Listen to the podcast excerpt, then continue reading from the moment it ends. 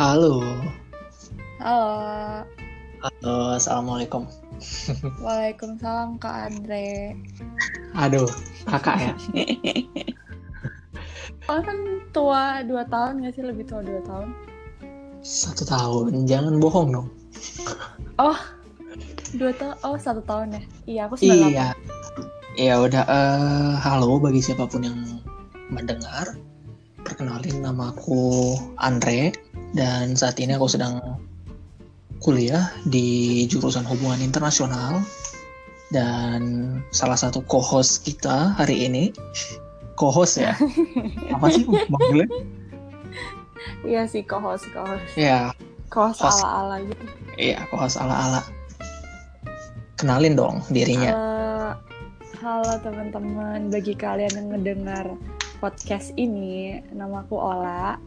Aku salah satu mahasiswa psikologi tingkat akhir di UNER. ya Yay. Yeay. jadi kita Jadi mau hari ngapain ini kita ya mau ngebahas apa nih kak? Hari ini sebenarnya kan kita kan ini ya yang yang eh, mungkin titelnya emang kakak kakak host utamanya terus aku co-hostnya emang iya sih. Cuman sebenarnya hari ini itu jujurnya Mhm. lebih pengen ngebahas tentang kakak gitu loh soalnya kan menarik kan Eh, sekarang kan lagi banyak orang yang eh, tertarik sama apa namanya eh, belajar di luar kayak mungkin gitu gitulah gitu gimana kak? Enggak juga sih sebenarnya ngobrol santai aja dan ini kayak Oh gitu ya. aku sendiri pun bingung itu karena sebagai mahasiswa yang sedang belajar di luar negeri pun kadang kami juga mempunyai apa ya bahasa halusnya ya. Biar orang pada nggak tersinggung. Nah, keirian lah cemburu cemburu kecemburuan lah bagi kami dan kepada kalian yang mahasiswa Indonesia yang di dalam negeri jujurnya. Jadi mungkin nanti kita sharing aja sih kayak Oke. aku juga oke. pengen nanya-nanya tentang sama co-host aku walaupun kita udah lama kenal tapi rasaku sih ini pertama kalinya aku nanya-nanya juga tentang kehidupan perkuliahan kamu Oke jadi mungkin hari ini ini ya apa sa- saling sharing gitu ya. Mhm. Oke. Iya sih, jadi gini nih, eh, kan kita sama-sama tahap akhir ya. Gimana nih Uh-uh. kalau mahasiswa di dalam negeri pasti kamu di mana sih? Di UNER kan ya? UNER. Di UNER. Iya, Tahu kan UNER apa?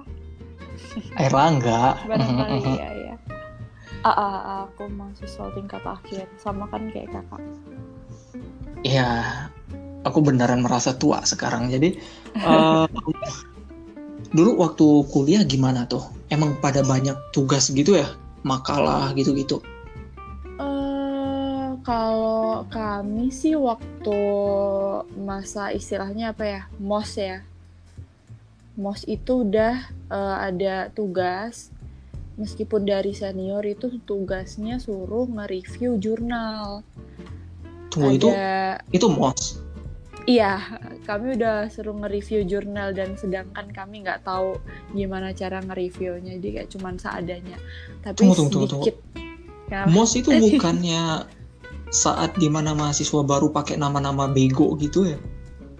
Enggak sih kalau di kami nggak nggak ada kayak mosnya anak psikologi tuh beneran yang tenang gitu loh. Kami Kayak kalau dari mos aja udah nge-review jurnal, berarti bener ya gosipnya kalau perkuliahan itu banyak banget tugas dan makalahnya.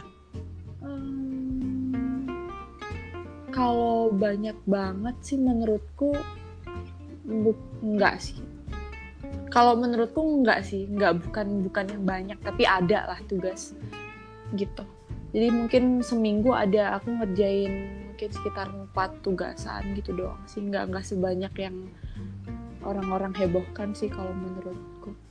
Cuman emang tugasnya apa di fakultasku tuh ini panjang-panjang kayak harus bikin eh, desain assessment, intervensi gitu-gitu. Jadi kayak apa dikit tapi bobot berbobot gitu loh. Jadi kayak sama-sama pusingnya sih sebenarnya. Itu sih. Oke. Kalau kakak gimana kak? Ah, enggak nih, mungkin ada beberapa yang belum tahu. Tadi kakak udah ini nggak sih, udah perkenalan kuliah di mana nggak sih? belum. Iya kan, Kan nggak- belum tahu. Iya kan nggak di kan nggak ditanya. Kakak kuliah di mana nih kak? Di luar, Iya, di luar. negeri aku kuliah di Far Eastern Federal University. Aku di Vladivostok itu di Rusia.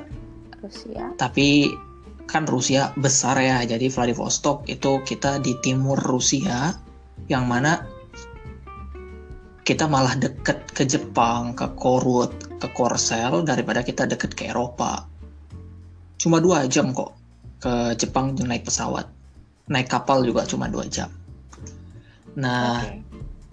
Gitu. jadi kalau misalnya mau berbicara tentang basis pendidikan Rusia sendiri sih, kenapa aku tadi nanyain gitu masalah gosip tugas karena aku nggak tahu ya apa mungkin tergantung fakultas kali ya.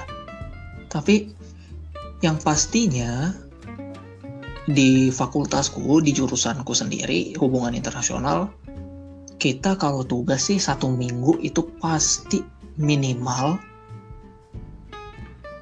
minimal itu tiga. Minimal. tugas. Iya. Minimal tiga. Tetapi kita dikasih waktu sekitar dua minggu. Jadi bukan untuk minggu ke depannya. Oh, Oke. dan uniknya kalau kamu tanyain aku adalah yang paling berbeda sih. Tugas kita itu bukan makalah ya lebih tepatnya tapi kita tugas kita tuh adalah kayak seperti penghafalan menurutku Kayak gimana tuh kak? Iya. jadi eh, ya anggap aja deh dosennya punya buku tuh satu bab bab satu misalnya bab satu tentang aku nggak tahu deh eh, Indomie goreng misalnya jadi bab satu itu tentang Indomie goreng dan dosennya itu ngejelasin terus dia bilang oke aku udah jelasin dua minggu lagi aku bakal tanya kayak wawancara gitu jadi aku bakal wawancara semuanya tentang pemahaman dari Indomie goreng jadi kita nggak ada tugas tulisan itu nggak per- hampir nggak pernah Oke. kita mutlak datang banyak yang komat kamit gitu ini Lisan gitu artinya ya? apa Ujian iya lisan. Semua, Iya, jadi- hampir-hampir semuanya kayak gitu. Atau emang Hampir. sebagian besar? ya kecuali kayak beberapa mata kuliah yang yang ada penghitungan ya yang seperti contoh kalau HI kan kita ada ekonomi fiskal negara itu kan ngitung tuh kita kan nggak mungkin lisan kecuali teori-teorinya aku nggak tahu sih kalau psikologi atau HI Indonesia di Indo gimana juga tapi aku yakin sama kita lebih banyak pemahaman dan penghafalan nah Hmm. sayangnya dari tugas yang kayak gitu kita minimal tiga dan itu dua minggu sekali tugasnya itu numpuk jadi kayak eh, minggu pertama anggap ada mata kuliah yang aku bilang tadi Indomie goreng tadi Mm-mm. kita belajar keras tuh tapi minggu kedua ada Indomie rebus tuh mata kuliahnya Mm-mm. mata kuliah Indomie rebus terus akhirnya belajar lagi tuh tentang Indomie rebus eh besoknya kita udah lupa tentang Indomie rebus karena kita bakal fokus untuk yang Indomie goreng Mm. jadi gitu kayak bener-bener numpuk gitu loh Mm-mm. Mm. dan mungkin menurut aku sih itu salah satu kelemahan mahasiswa di Rusia ya untuk penulisan kita kurang tapi kalau misalnya untuk adu pendapat bebas berbicara kalau ngobrol sama dosen itu benar-benar oke sih. Menurutku yang itu Oh. banget yang aku, aku kayak amazed gitu loh. Kayak wow ini luar biasa sih. Kalau kalian sendiri diskusi sama dosen gimana tuh di kelas? Kalau di kelas eh, diskusi maksudnya gimana nih? Ya, jadi Kalau misalnya di kelas ada kan pertanyaan skandal kayak lebih enak mana Indomie goreng apa Indomie rebus. Terus oh, gimana? biasa sih. Kalau kami sih kebanyakan, kebanyakan Mhm. kalau kasusnya di kami itu pasti kan kami ada ini ya presentasi. ada beberapa kelompok gitu kan yang maju buat presentasi terus uh, dikasihlah pertanyaan dari kelompok uh, dari audiens ke yang presentatornya terus habis itu ya udah dari dari jawaban itu kami argumen dan dosen kayak dosen tuh menengahi gitu. Bukan bukannya kami yang menjelaskan ke dosen. Tapi dosen menengahi dan apa diambil kesimpulannya kayak gitu sih. Santai sih. Cuman kalau misal mungkin di Indo kali ya kalau misal mau diskusi uh, perihal skripsi atau gitu-gitu tuh kan rada ini ya kadang awalnya tuh kayak takut-takut gitu-gitu mau ngomongin keluhan ke dosennya takut-takut gitu-gitu sih. Mau ngechat harus uh, apa namanya kalimatnya gitu-gitu tata caranya tuh harus ini banget gitu. Mungkin itu sih oke okay, uh, eh, jadi kalau misalnya di Indonesia dosen itu lebih ber ber acting seperti guru atau benar-benar dosen? Jadi kayak dosen bakal ngejelasin materi nggak Uh, enggak.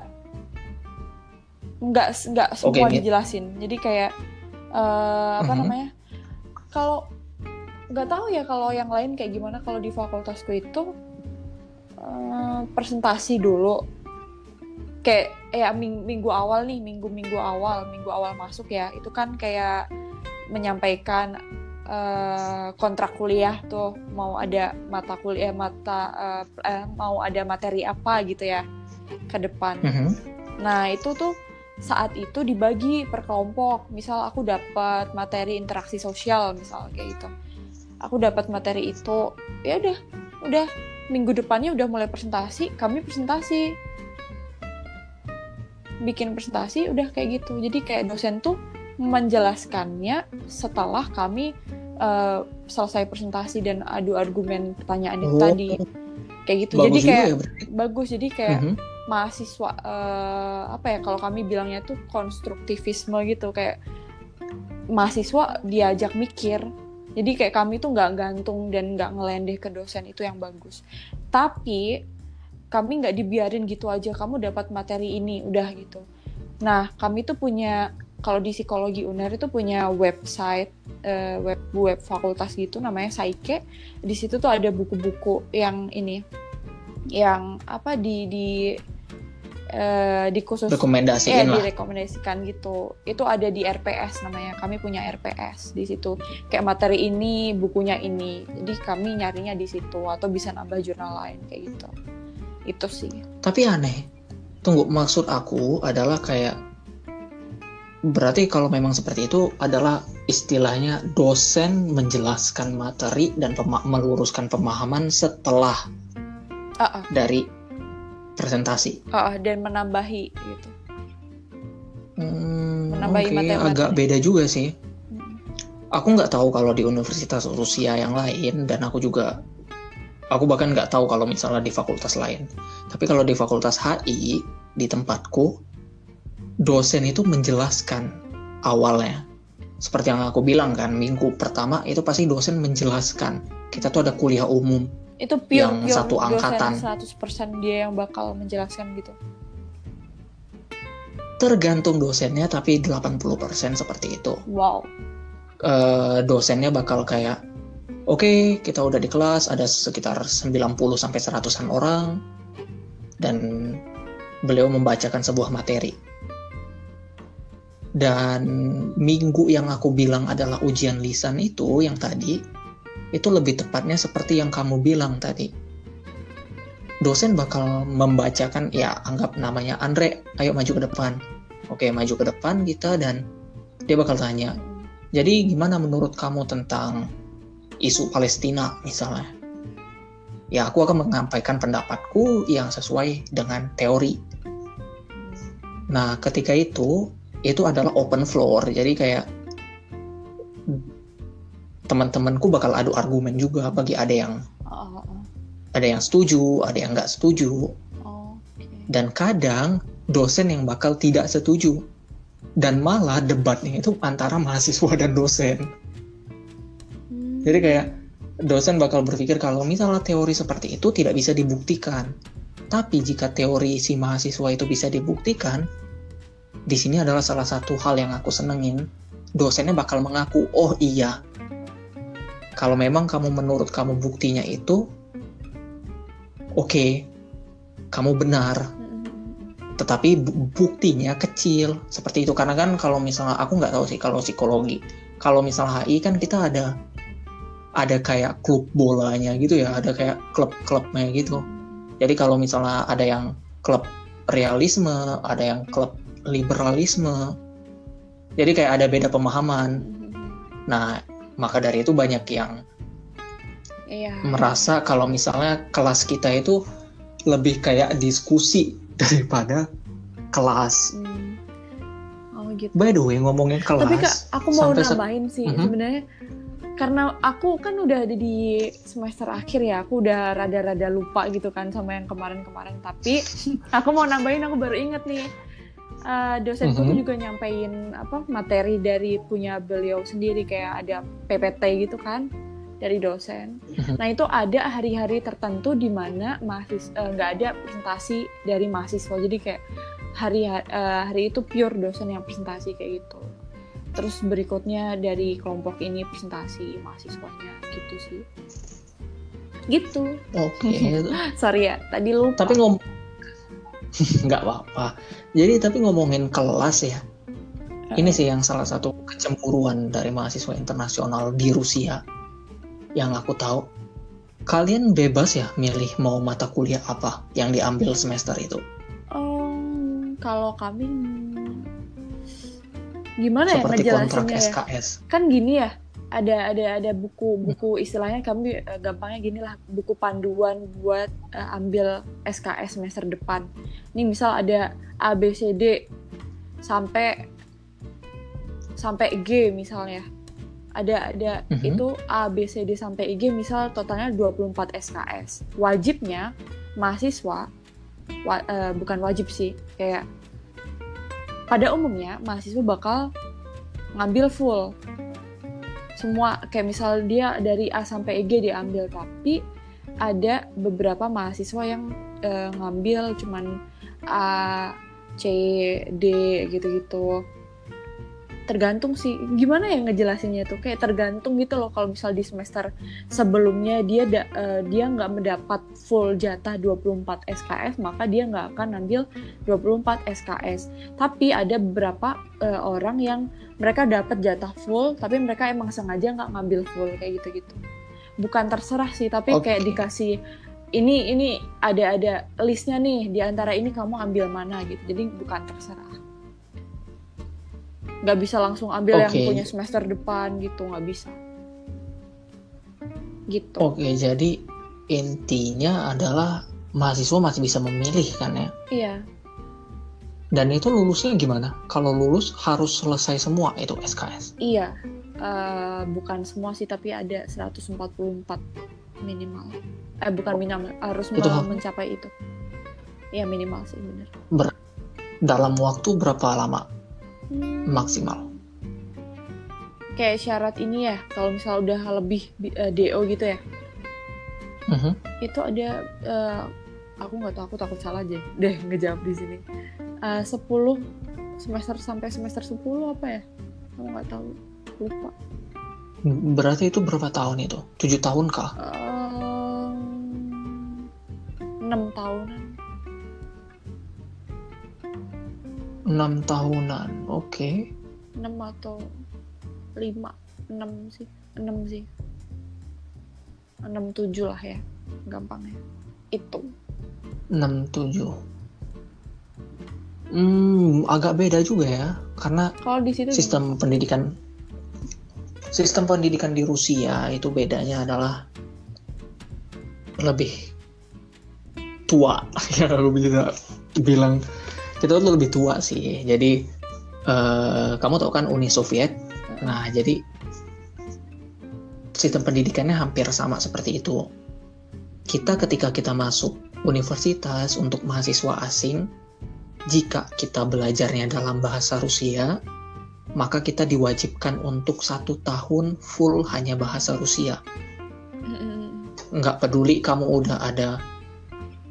Oh nggak sih kalau kamu udah ada sertifikat bahasa Rusia, dan lulus tesnya, maka kamu boleh langsung. Itu kayak negara-negara bekas Uni Soviet seperti Uzbekistan, Kazakhstan. Itu kan mereka bagi mereka bahasa Rusia seperti bahasa Inggris bagi orang Indonesia. Hmm. Second Hmm. language. Nah, kalau misalnya kita orang Indo ke Rusia, kita harus satu tahun dulu full itu hanya bahasa Rusia. Jadi makanya ketika kamu misalkan kayak aku nih, aku lulusan 2014, Mm-mm. tapi aku baru bisa masuk kuliah itu 2015. Mm-mm. Setelah 2014 aku harus belajar dulu satu tahun belajar bahasa Rusia. Nah, ketika kamu masuk ke universitas, itu tergantung juga lagi dari jurusan.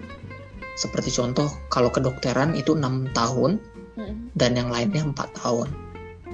Jadi kita nggak, kita seperti di SMA, kita nggak boleh milih mata kuliah. Jadi kita kayak kita ada teman sekelas yang mana bener-bener sekelas kayak anak SMA. Ada ketua kelasnya, ada ya kita moving class. Tentu kita moving class, tapi kita bakal belajar bareng mereka selama empat tahun. Nggak boleh lebih dan nggak boleh kurang. Jadi kita mau nggak mau kita udah nerima. Iya, kalau misalnya aku, misalnya nih semester 1 ada 7 mata kuliah. Aku harus lulus semua. Nggak lulus, DO. Kita nggak bakal ada pengulangan. Oh. Tapi tentu nggak segampang itu mereka nge-DO kita. Ada sebenarnya gampang sih. Jadi kita tuh ada nama itu aku nggak tahu kalau di Indonesia gimana sistem ujian kalian. Jadi kita tuh ada namanya ada tiga cara untuk lulus mata kuliah. Mhm. Mata kuliah A itu ada yang namanya yang pertama ujian. Ya ujian ya kayak ujian biasa. Kamu belajar belajar belajar, terus di hari terakhir kamu ujian. Lulus ya lulus, enggak ya enggak. Oke. Terus yang kedua ada namanya tuh bahasa Rusianya tuh automat. Apa tuh? Kalau automat itu artinya selama du- selama sebelum ujian kan kita ada kelas-kelas kelas kayak ujian lisan, tes gitu-gitu kan. Mm. Kalau kamu menunjukkan performa yang baik, Mm-mm. kamu nggak perlu ikut ujian dan kamu udah langsung dapat nilai. Mm. Jadi itu enaknya. Jadi kayak absensi kita dihitung dan performa kelas dihitung, performa tugas kamu dihitung, performa presentasi, performa yang lain-lainnya itu tetap dihitung. Nah, yang ketiga adalah cara terakhir. Kalau misalnya nih, kamu nggak dapat automat dan waktu ujian kamu nggak lulus, kamu bakal masuk namanya commission atau komisia bahasa Rusianya. Di komisia itu kamu bakal ujian, tapi bedanya kamu ujiannya sama orang-orang bagian mahasiswa. Jadi kayak mm, apa departemen mahasiswa, kamu udah nggak lulus di departemen fakultas, jadi kamu balik ke departemen mahasiswa. Kamu bakal ujian sama dia. Nah, yang komisia ini adalah kayak adalah cara terakhir untuk lulus. Di komisia kamu nggak bisa dapat A. Paling tinggi dapat B. Karena kamu udah gagal dihitungnya. Atau aku nggak tahu sih, karena aku dalam seumur hidupku kuliah di sini aku nggak pernah tahu ada orang yang dapat A Oh ya? di komisia. Mungkin bisa, tapi kayaknya sih kecil banget kemungkinannya. Nah, gitu tuh. Dan kalian Kalau anak Indonesia pasti asik ya kalau misalnya ini mau ikut-ikut ekskul. Eh, ekskul apa sih? UKM. Aku nggak tahu. SMA. Iya tuh waktu apa ya waktu masa orientasi yang semua kami ada eh, masa ori bukan masa orientasi sih namanya apa gitu. Kami kumpul di satu aula. Aula kampusku kan gede banget kan. Jadi dari fakultas kedokteran sampai yang fakultas mana pun itu semua fakultas ikut di situ dan di situ ada apa istilahnya tuh kayak promosi UKM gitu loh.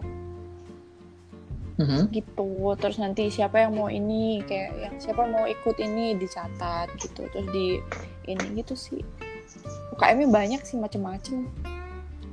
Ada tari terus eh, apa namanya fotografi gitu-gitu. Terus banyak sih UKM mah banyak banget Itu biasanya kalian uh, UKM dan kuliah bakal tumburan gitu nggak? Bakal kayak, wah aku harus memilih antara UKM dan kuliah nih, gimana Kalau nih? aku kan kebetulan aku nggak ikut UKM sama sekali. Eh, kalau dari temanku yang ikut UKM, dia ikut UKM PSHT itu Apaan tuh? PSHT itu eh, ini sih karate karate. Ah, apa sih? Karate ya karate, PSAT apaan? Iya Silat. silat. Aduh aku takut salah ngomong deh, aku nggak begitu tak. Oke oke. Nah, i- eh, dia ikut itu terus eh kadang seingatku nih dia kadang cerita kalau misal eh, kalau misal ada lomba dia harus dispen gitu loh. Tapi untungnya ada dispen sih itu sih. Dia nggak ikut ini gitu, nggak ikut kuliah.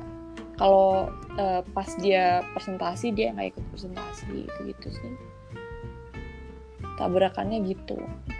Nanti kalau misal pas dia pas Mungkin itu sih. yang paling berat itu kalau misalnya Mhm. lagi uas uas kami kan ini ya eh, uas online jadi kayak apa namanya Oh, di Indonesia udah UAS online, maksudnya nggak ada tes gitu ya? kalau Atau aku gimana? nggak tahu sih kalau fakultas lain tapi kebanyakan fakultas lain itu emang pakai manual kalau punya aku dari dulu emang udah online gitu loh jadi kalau misal dia udah ketinggalan eh, ujian it- eh, uas itu dia bakal nunggu lama sih karena kan soalnya pasti soal yang berbeda gitu loh Iya, Hmm. kalau misal online itu kan ya udah ABCD gitu kan. Pertanyaannya kalau misal dia eh, ikut yang susulan nggak tahu dia bakal ba- bakal dapat soal yang kayak gimana. Gitu sih. Lumayan juga ya berarti ya kalau memang seperti itu. Karena di sini rata-rata yang dimaksudkan dengan UKM itu lebih ke jalur karir sih. Oh, Dan menarik. juga maksudnya ya aku nggak tahu sih. maksudnya kayak gimana kak? Jalur jalur karir. Eh, di sini kita taunya ada klub, Heeh. bukan UKM sih kita manggilnya iya aku klub. Jadi Kayak di drama-drama Korea gitu loh. Klub gitu iya tahu aku. Iya. Gimana tuh? jadi intinya di klub itu eh anggap ya ada klub MUN. Heeh. Tuh anak HI itu seneng tuh MUN. MUN ya rombongan anak-anak debat MUN klub MUN itu biasanya menjadi klub yang sangat digunakan ketika ada event dalam ada event ada event dalam bahasa Inggris. Ya misalnya acara ada tamu dari luar negeri. Itu pasti klub MUN yang dipanggil dan senior seniornya yang akan terus membuka dan membuka peluang-peluang kerja. Entah itu kerja setelah universitas entah itu kerja se- se- selagi di universitas. Jadi penerjemah itu pasti ke MUN jadi ini pasti ke MUN nah atau klub-klub yang lain tuh ada namanya klub ah, apa ya aku lupa namanya. Eh Studenceski Atriat. Itu kalau misalnya kita artiin secara harfiah itu adalah barisan mahasiswa. Aneh ya? Barisan mahasiswa itu itu adalah tempatnya volunteer. Oh. jadi biasanya anak-anak yang suka-suka aktif tuh volunteer. Kemarin tuh ada Piala Dunia kan? Di Piala Dunia tahun 2018 itu anak-anak dari klub itu yang dikirim jadi volunteer biayanya semuanya digini Oh. dan dan kita tuh ada namanya buku sakti itu tuh kayak buku sakti itu semakin kamu aktif maka semakin besar kamu bisa mengajukan proposal beasiswa. Hmm. Nggak peduli ekonomimu susah, ekonomi ekonomimu cukup, ekonomimu kurang. Tapi kalau dengan buku sakti itu ada stempel membuktikan bahwa, wah, kamu aktif nih, nggak apa-apa, bisa diperhitungkan. Jadi gitu. Makanya anak-anak pada banyak yang ikut UKM. Tapi untuk mahasiswa asing seperti kami, itu bakal sangat sulit. Kenapa kak? Tergantung. Karena tentu mereka lebih memilih native speaker. Tapi itu bukan berarti nggak ada ini ya, nggak ada peluang ya. Kayak kalau bakat kamu menari, ada kok yang orang Indonesia ikut UKM tari, dipakai, manggung, ada yang nyanyi. Jadi di sini tuh sebenarnya menurutku aku nggak tahu di Indonesia sih tapi di luar negeri tuh nggak yang seperti kamu lihat di Instagram. Jujurnya kayak kuliah ya kuliah seperti kalian. Kami belajar kami pulang ada yang ambis gitu yang ikut sana ikut sini. Semuanya sama aja, nggak ada bedanya. Bedanya adalah bahasa. Karena mau di Indonesia mau di Rusia pun semua orang kan pada punya karakter yang berbeda-beda ya.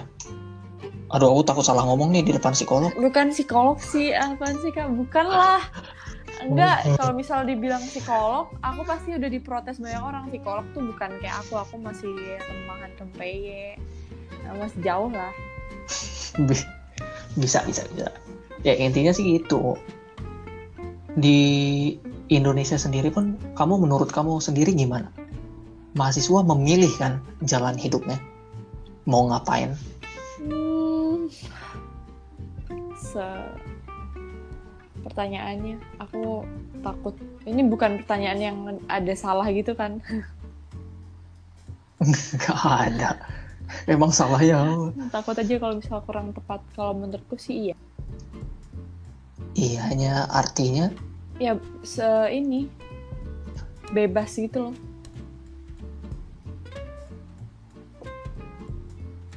Tergantung dari orang masing-masing memilih untuk aktif apa enggak. Uh, ya ya it, itu juga iya sih. Cuman kadang emang kayak senior tuh pasti ngasih saran kalau misal kalau bisa jangan jadi kupu-kupu gitu-gitu di, uh, di awal pas masa orientasi itu dikasih saran lo enak loh di sini nggak ada yang peduli oh, iya. banyak sih kamu mau jadi banyak masyarakat. sih kak kemarin tuh yang ngasih ah. yang ngasih uh, saran gitu. Kalau di psikologi itu, we jangan, we Kalau di psikologi itu kan kebetulan kemarin waktu masa orientasi kami ada tugas uh, tugas untuk ngewawancara kakak-kakak tingkat gitu loh. Misal dari 2015 harus dapat sekian, 2014 harus dapat sekian gitu-gitu.